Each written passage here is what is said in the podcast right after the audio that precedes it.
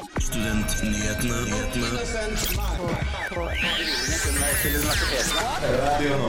Høyesterett anker aksepterer anken om selvplagiatsaken. Vi forklarer hvordan det fungerer. Hundretusener studenter, studentoppgaver brukes uten samtykke hver dag i plagiatkontrollen. Vi har fått besøk av den yngste byrådsrepresentanten i emneknaggen. To studenter har levert oppgaven sin for seint, og nå klager de. Mer om dette får du høre seinere i sendinga. Vi må innom det aller helligste temaet blant studenter. Det er jo studiestøtte. Studiestøtte. Har du ikke hørt det? Det aller helligste temaet blant studenter. Studentnyhetene hver fredag fra 11 til 12 på Radio Nova. Hei og velkommen til ukas sending i, på Studentnyhetene. Mitt navn er Ada Helen Ingebretsen, og med meg har jeg to sørlendinger, faktisk. Veldig morsom kombo, det her. Marie Askeland Laudal Hei, hei. og Anne Martine Justvik. Hallo! Godt og deilig, god deilig skarre her i studio i dag. Yes, yes. Endelig har drømmen min kommet i oppfyllelse. To sørlendinger. Det Ja. er bra. Ja, men blir ikke bedre enn det. Det blir ikke bedre enn det, nei. Hvordan går det med dere, jenter? Ah, nei, du, det går veldig fint. Det var litt slapt og sl sleipt, holdt jeg på å si. Slapt? Hvordan sier det? Jeg vet ikke. Men det var iallfall regn og glatt, så jeg brukte mye lengre tid bort hit enn jeg vanligvis gjør. Det merka jeg. Ja, eh, det går fint med meg. Sykt heldig og møtte på trikken rett da jeg gikk ut for eh, døra i dag morges, så det var superchill. Og dagen starta veldig bra. Det Det er er fint. beste starten. Ja. Ja, det er godt. Ja, jeg slapp pøsregn i dag tidlig, faktisk. For det var, det var i dag tidlig, og så stoppa det etter at jeg våkna. Og det var så deilig å bare ikke måtte bli klissblaut før man kommer til studio. Så det var skikkelig deilig. Så vi håper dere som lytter også er like tørre. Så skal vi videre til, eh, videre til sakene våre.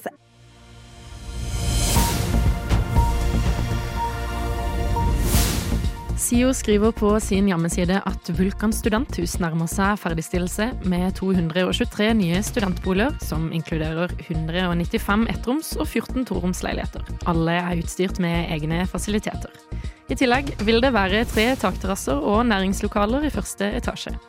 Administrerende direktør i SIO, Andreas Askelund, forventer at studenthuset vil være klart for innflytning i oktober, og SIO har også planer om å bygge flere studentboliger i Oslo for å møte den økende etterspørselen med nærmere 2000 boliger under utvikling. Onsdag 21. februar fylte kong Harald 86 år. En meningsmåling viser at monarki fremdeles står sterkt blant det norske folk, men ikke like mye blant unge. Ifølge NRK var oppslutningen blant unge sterkt under 80-årsdagen til kong Harald i 2017, men nå har det snudd. Unge i alderen 18 til 29 år har altså blitt mer negative og usikre på monarkiet. Kun 62% unge voksne vil ha kongedømme eh, i år, som er nedgang fra 20% på 20% fra 82% i 2017. NTB skriver torsdag ettermiddag at antallet norske studenter som dro på utvekslingsopphold i utlandet, økte fra omtrent 7 til 8000 det siste året. Australia har blitt det særlig populære reisemålet blant eh, norske studenter, og direktør Sveinung Skule fra Direktoratet for høyere utdanning og kompetanse uttrykker glede over denne økende interessen for internasjonale erfaringer og for kompetanse. Selv om pandemien førte til en nedgang i utvekslingsstudenter, har nå antallet økt til over nivået før pandemien. Universitetet i Agder beklager etter at de har avdekket en rekke avvik hvor perso- persondataen til over 14 000 personer kunne bli lest av alle ansatte på universitetet. Det gjelder informasjon om både ansatte og studenter som er eksponert.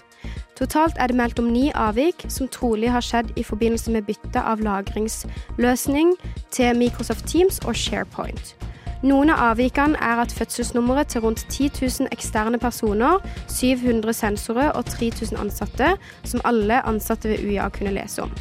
Andre avvik var en liste med personalia på 568 studenter, og personalia inkludert fødselsnummer på en liste fra 2015 med alle ansatte på biblioteket. Saken er hentet fra Krono. Det var ukens nyhetsoppdatering, og mitt navn er Marie Askeland Laudal. Og med meg hadde jeg Anne, Just Anne Martine Justvik.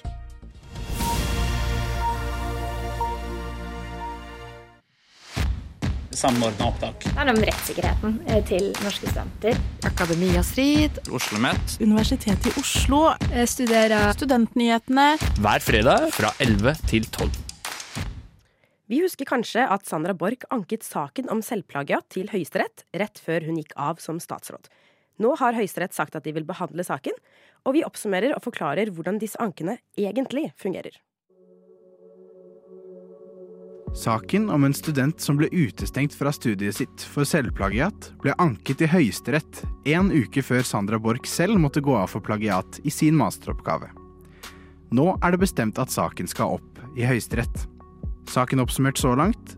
I 2021 ble en student ved Høgskolen i Innlandet utestengt fra studiet sitt i ett år for fusk. På eksamen hadde hun brukt to avsnitt fra sin tidligere eksamen, som hun hadde strøket på. Avsnittene var henvisninger til lærebøker i faget, og disse hadde hun henvist riktig til. Da studenten ikke fikk medhold i Felles klagenemnd, saksøkte hun Kunnskapsdepartementet med krav om at fuskevedtaket skulle gjøres ugyldig. Studenten tapte i Oslo tingrett, men anket dommen videre til lagmannsretten. Der vant hun, men da anket staten saken til Høyesterett, og nå har altså Høyesterettens ankeutvalg avgjort at selvplagiatsaken skal behandles i Høyesterett.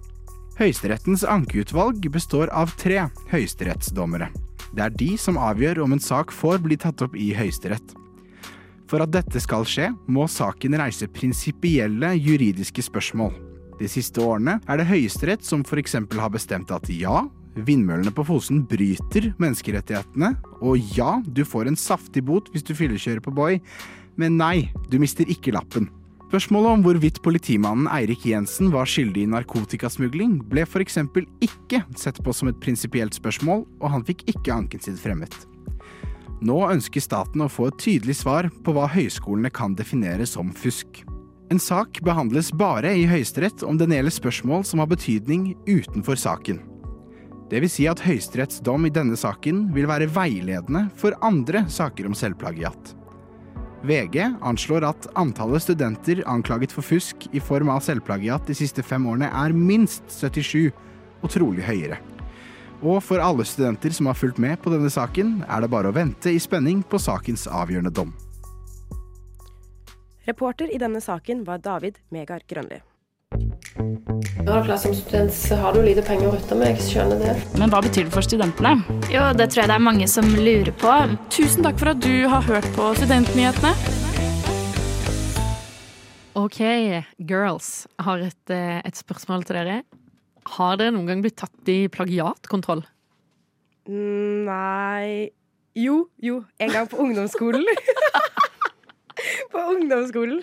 Så eh, jeg vet ikke om det var på en måte plagiatkontroll eller noe, men jeg fikk i hvert fall læreren min tok meg til side etter timen og var sånn ja, prøven din ligner på en annen sin prøve.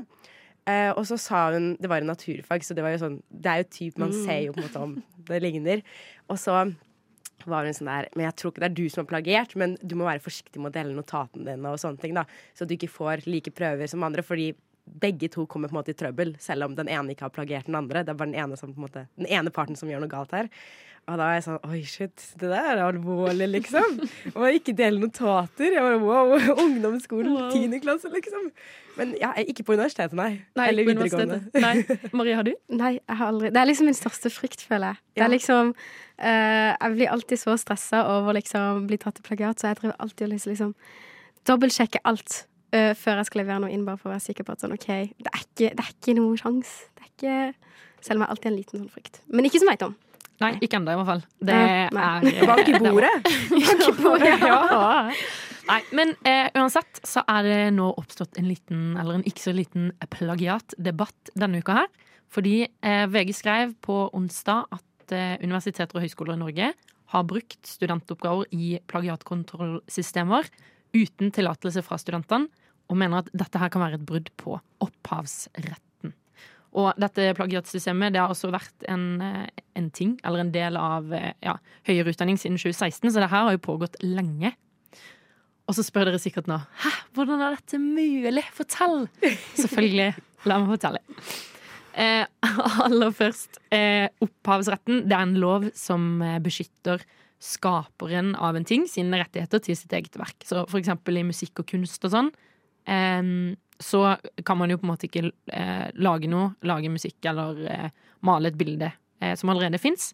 Og samme gjelder for tekst. Og det er typisk sånn årseksamener som man leverer inn på universitetet og sånne ting. Så med dette så kan vi jo si at studentarbeid er beskytta av opphavsretten fordi det er våre åndsverk. Og det kan derfor, eller det, eller det kan ikke, eller burde ikke, gjenbrukes uten samtykke. Og eventuell, eh, og da uten eh, kompensasjon. Men eh, ja, har dere noen tanker om, om det her? Nei, altså, jeg syns jeg synes det er veldig interessant måte, debatt, fordi jeg føler det var litt den samme debatten som oppsto når eh, man begynte med KI. Med at måte, KI er jo basert på tekstene til veldig mange folk, og tekster som ligger ute på internettet, for den på en måte skraper internett for informasjon. Og da blir det litt sånn at når den baserer på en måte sine tekster på andre sine tekster, eh, uten at man selv er klar over det, i hvor stor grad måte har man eier... Eller hvor stor my, hvor mye eier man egentlig noe man har gjort? på en måte Og det syns jeg er spesielt vanskelig på for eksempel eh, Hjemmeeksamener er noe helt annet, fordi det er, det er ikke så anonymt nødvendigvis.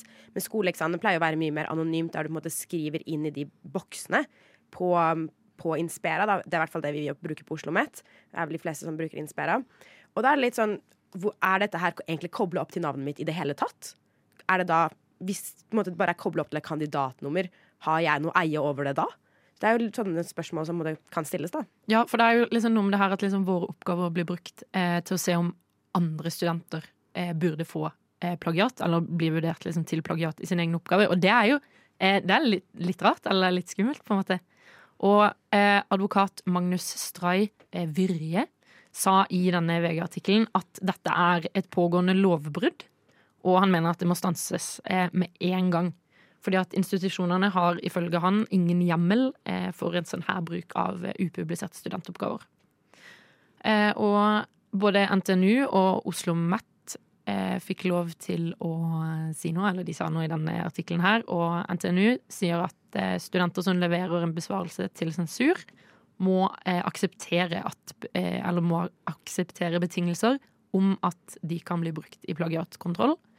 Eh, og Oslo OsloMet er en av flere skoler som bekrefter at de ikke har inngått individuelle avtaler eh, om ja, gjenbruk og eventuelt kompensasjon. og videre så sier Virre at eller han sier ikke, han har skrevet en egen kronikk om det her, som Krono publiserte også denne uka, hvor han konkluderer med at det kan være et stort antall studenter som har krav på etterbetaling eh, for bruken av deres arbeid i plagiatkontrollsystemet.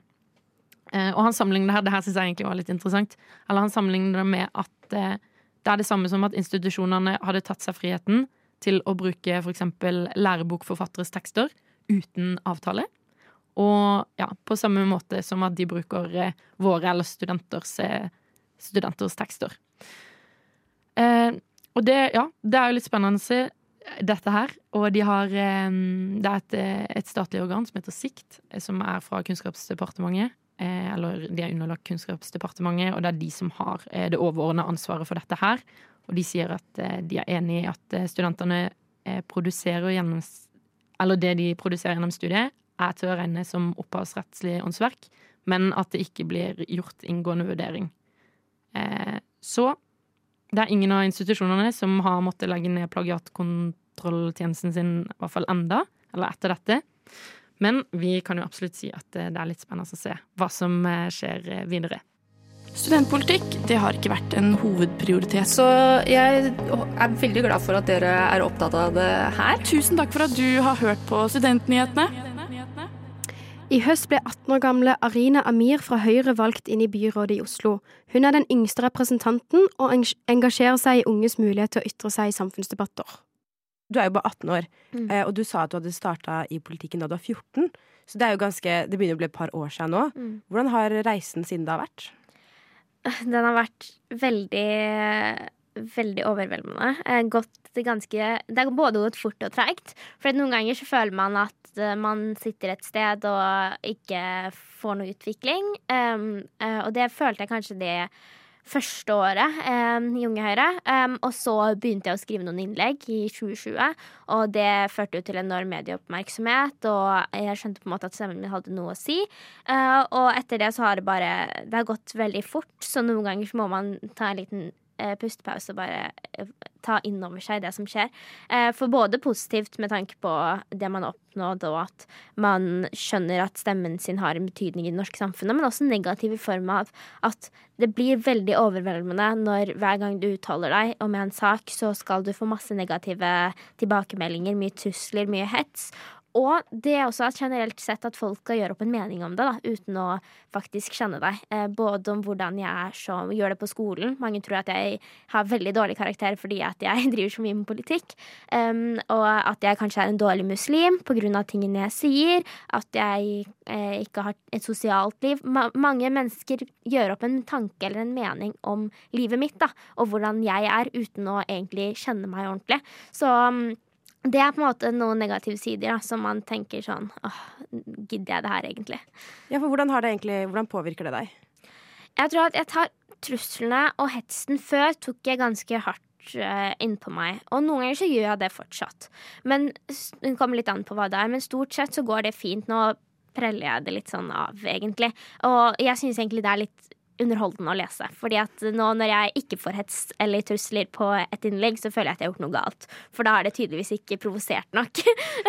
Eh, Mens eh, når jeg, så det er på en måte blitt en bekreftelse nå da, på at det jeg eh, sier eh, og mener, faktisk er nødvendig.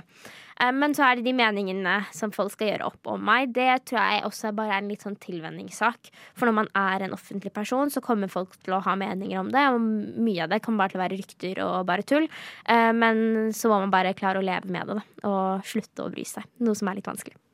Ja, det er jo forståelig. Det er jo mange unge som velger å liksom ta litt avstand fra politikk, eh, og det kan jo på mange måter ja, i stor betydning gåsteiner svekke demokratiet, på en måte, da, Mm. ved at man ikke deltar i politikken. Hvordan var det du bestemte deg for at det var noe du hadde lyst til å gjøre? Først og fremst må jeg si at jeg har full forståelse for de unge som eh, enten går ut av politikken veldig tidlig, eller velger å ikke engasjere seg. For samfunnsdebatten nå er kjempetøff eh, sammenlignet med det den var før. Jeg har foreldre som har vært eh, aktive i politikken, og jeg, når jeg sammenligner eh, den eh, mengden trusler og hets eh, min mor eksempel fikk da hun satt på Stortinget. Det var noen brev hun fikk.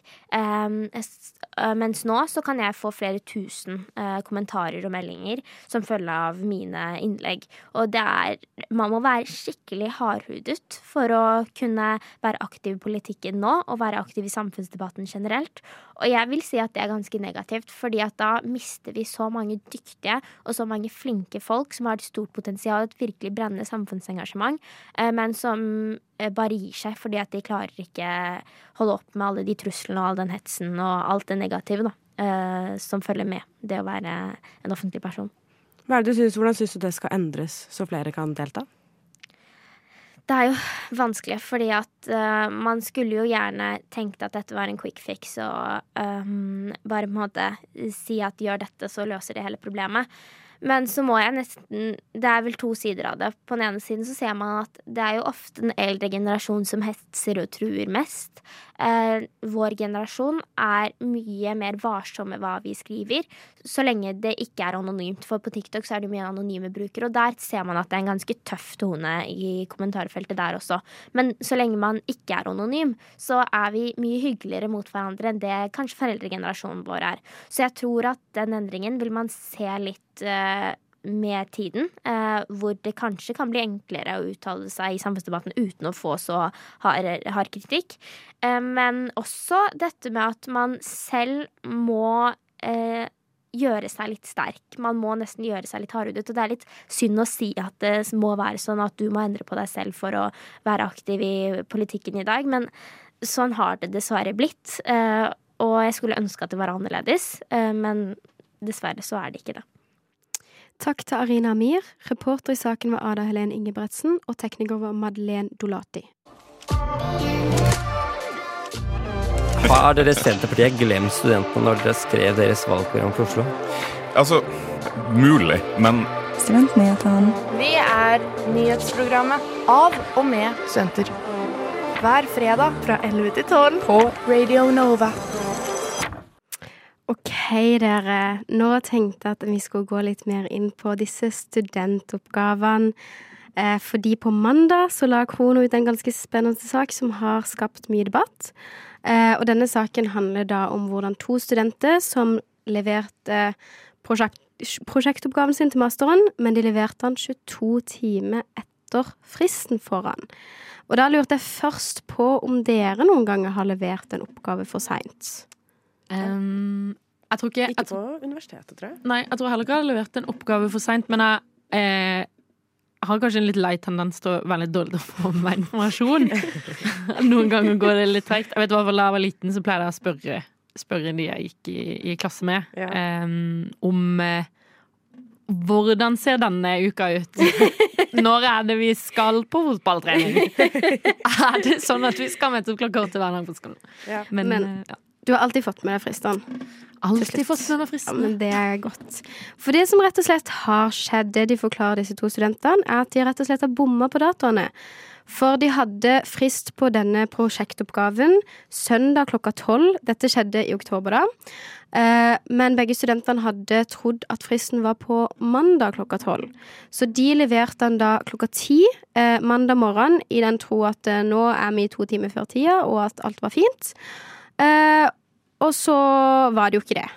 Eh, og det, dette var da en prosjektoppgave de, skulle, eh, de hadde jobba med i rundt tolv uker. Og da de leverte den for seint, så nekta universitetet å ta imot oppgaven.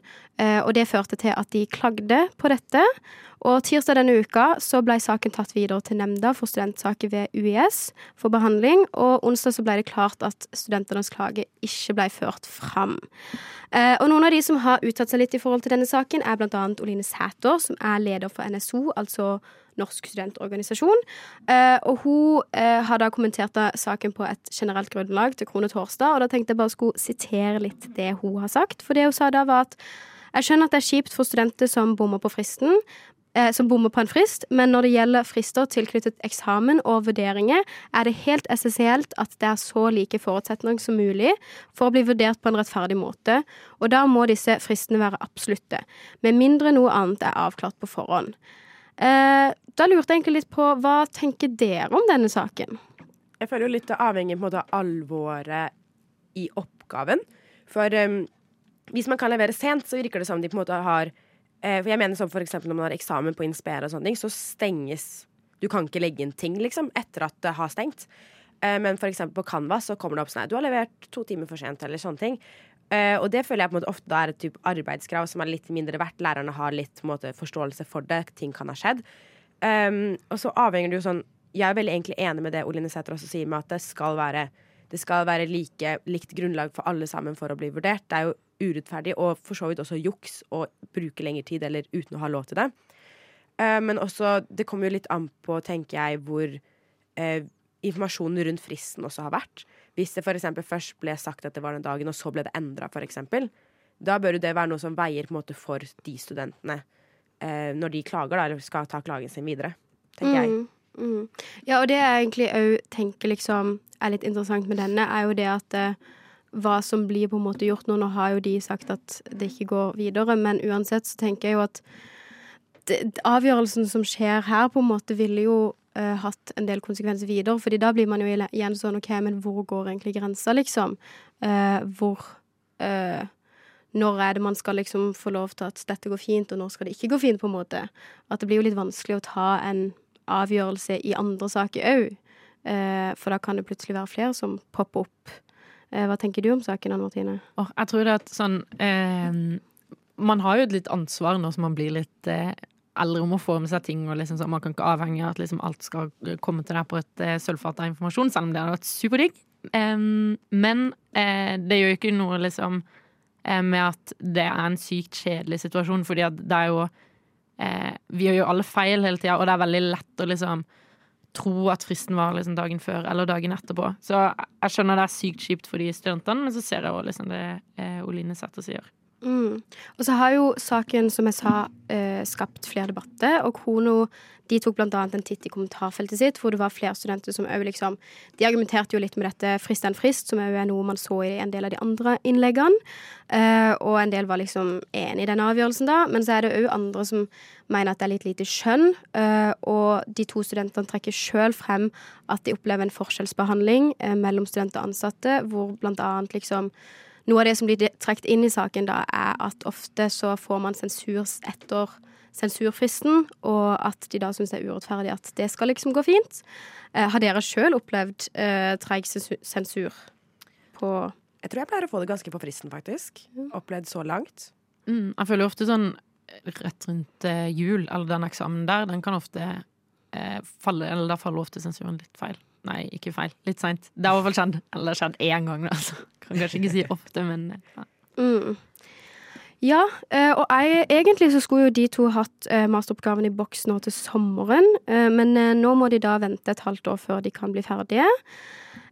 Så jeg tenker egentlig at dette kan være en, bare en liten påminnelse til folk om dobbeltsjekk fristen. Vær sikker på når dere skal innlevere oppgaven, sånn at dere ikke oppleverer den for seint, fordi konsekvensene er da veldig kjipe. Vi må innom det aller helligste temaet blant studenter. Det er jo studiestøtte. Studiestøtte. Har du ikke hørt det? Det aller helligste temaet blant studenter. Studentnyhetene hver fredag fra 11 til 12 på Radio Nova. Ja, Marie, du sa jo du fikk helgefølelse. For nå er det jo snart helg. Sendinga er snart over. og det betyr jo at eh, det det er våre siste minutter her i studio nå. Um, men det er jo veldig koselig med helg òg, da. Hva er det dere skal i helgen? Jeg skal hjem en liten tur til Sørlandet. Sørlandet, ja. så deilig! Ja, for å besøke min mor. Misunnelige sørlendinger på sida her. Ja. ja, jeg hørte rykte om at du var på skitur forrige uke, Anne Martine. Så da ringte mine foreldre opp og var sånn Mamma, pappa, jeg kommer. Kan vi gå på ski på søndag? Og da var de sånn ja. Å, deilig. Anbefales. ja. Så jeg ser veldig frem til det. Ja, det skjønner jeg. Du da, Anne Martine? Eh, jeg skal Og dette er en skikkelig bursdagshelg. Så For deg, eller at du skal i mange bursdager? Nei, jeg skal i mange bursdager. Ja. Det er ikke min. Jeg har bursdag på sommeren. Så det er lenge til. Men eh, tre bursdager. Heng, så det blir en sosial helg, men det er veldig koselig. Det er sykt hyggelig å, å se litt folk. Jeg føler, vi, ja, på skolen nå så holder vi på med, med rulleringsarbeid, så vi driver og sitter og skriver saker på nett. Så det er ikke sånn at man liksom får sosialisert seg sånn supermye. Så det er godt å liksom fylle opp den sosiale kvota til helga. Det blir koselig. Ja, det, det skjønner jeg godt det er koselig. Det er mye, mye arbeid som måtte gjøres på skolen sammen med folk som ikke er sosiale på noen som helst måte. så sant. Så bare sitter man der og egentlig er med folk, og så er man hjemme sliten, og så å, jeg har vært med så mange folk, og så har man egentlig ikke vært med noen. Ja, det er sykt rart. Veldig lett sånn ja. Nei, jeg skal også bare mm, Jeg har litt sånn motsatt helger av dere. Egentlig ikke helger med helger av dere. Jeg skal jobbe med bachelor. Yay. Så mm, jeg har veiledningstime på tirsdag. Så da betyr det at jeg må sende bacheloroppgaven min til veilederen min på mandag. Og da må jeg begynne Da må jeg skrive så mye som mulig. Altså, men jeg har også bare sånn Etter at jeg ble ferdig å skrive i går med analysegreiene, jeg var sånn her Fy søren, det her er dritt, ass! Så jeg må, jeg må se gjennom og liksom endre litt på ting, så jeg kan gjøre det litt bedre.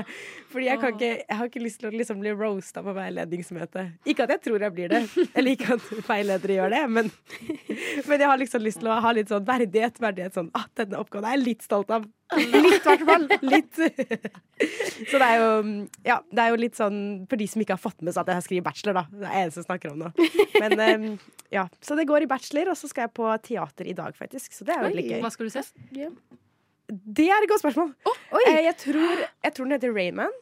uh. på Kristiania på eh, Teater. Ja. Det var litt sånn, Mamma og pappa var litt sånn Å, men vi har lyst til å dra på teater. Og så var mamma sånn Jeg har lyst til å se denne forestillingen. Og så er jeg sånn Ja, men teater, det blir jeg med på. Ja, ja. Uansett. Ja. Uansett, Ja, ja, man liksom. gjør jo det. Så da, da var det litt sånn spontant Eller det var ikke spontant spontant, vi hadde snakka om å dra på teater, men akkurat den forestillingen var litt spontan. Mhm. Men um, altså, jeg digger å dra på teater, uansett om jeg liksom har hørt om noe før eller ikke. Så jeg tror det også blir veldig koselig. Ja, Jeg det er jeg elsker egentlig litt å gå litt sånn i uvitenhet òg. For Ja. da har du liksom ingen sånn tanke på forhånd, så du blir bare overraska uansett hva som skjer. Ja, definitivt. Det er så sant. tror- Det er litt digg å være litt kulturell. Ja. Ja. Mm. ja, men det er det. Mhm. Og så syns jeg det er fint også Noen ganger så føler jeg sånn jeg trenger ikke, man trenger ikke å gjøre det til på en måte en sånn kultureliteting heller. Det er fint å fi studentpris på Ja, teater. og det er, så, det er en egen stemning òg, Ta liksom. det down. Ja, Ja. Så det tror jeg blir veldig hyggelig. Men så håper jeg at eh, dere andre som hører på, også skal gjøre masse hyggelige ting i helga. Eh, Hvis dere plutselig finner ut at dere kjeder dere litt, så er det jo bare å finne fram podkast hvor dere hører podkast, og høre oss på nytt igjen. Der heter vi Studentnyhetene overalt, og det gjør vi også på sosiale medier. Eh, Så er det bare å lytte videre, for radiotjenesten kommer. Det har vært veldig hyggelig å være i studio i dag. Eh, Mitt navn er Ada Helen Ingebretsen, og jeg har hatt med meg Marie Askeland Laudal og eh, Anne Martine Jussvik. Og tekniker har vært meg for første gang, så det var også veldig gøy. Så håper dere alle får en veldig fin og god helg. Er du student og har en sak du vil at vi skal dekke, send oss en e-post på studentnyhetene at radionova.no. Eller slide inn i DM-ene våre på Instagram. Der heter vi også Studentnyhetene.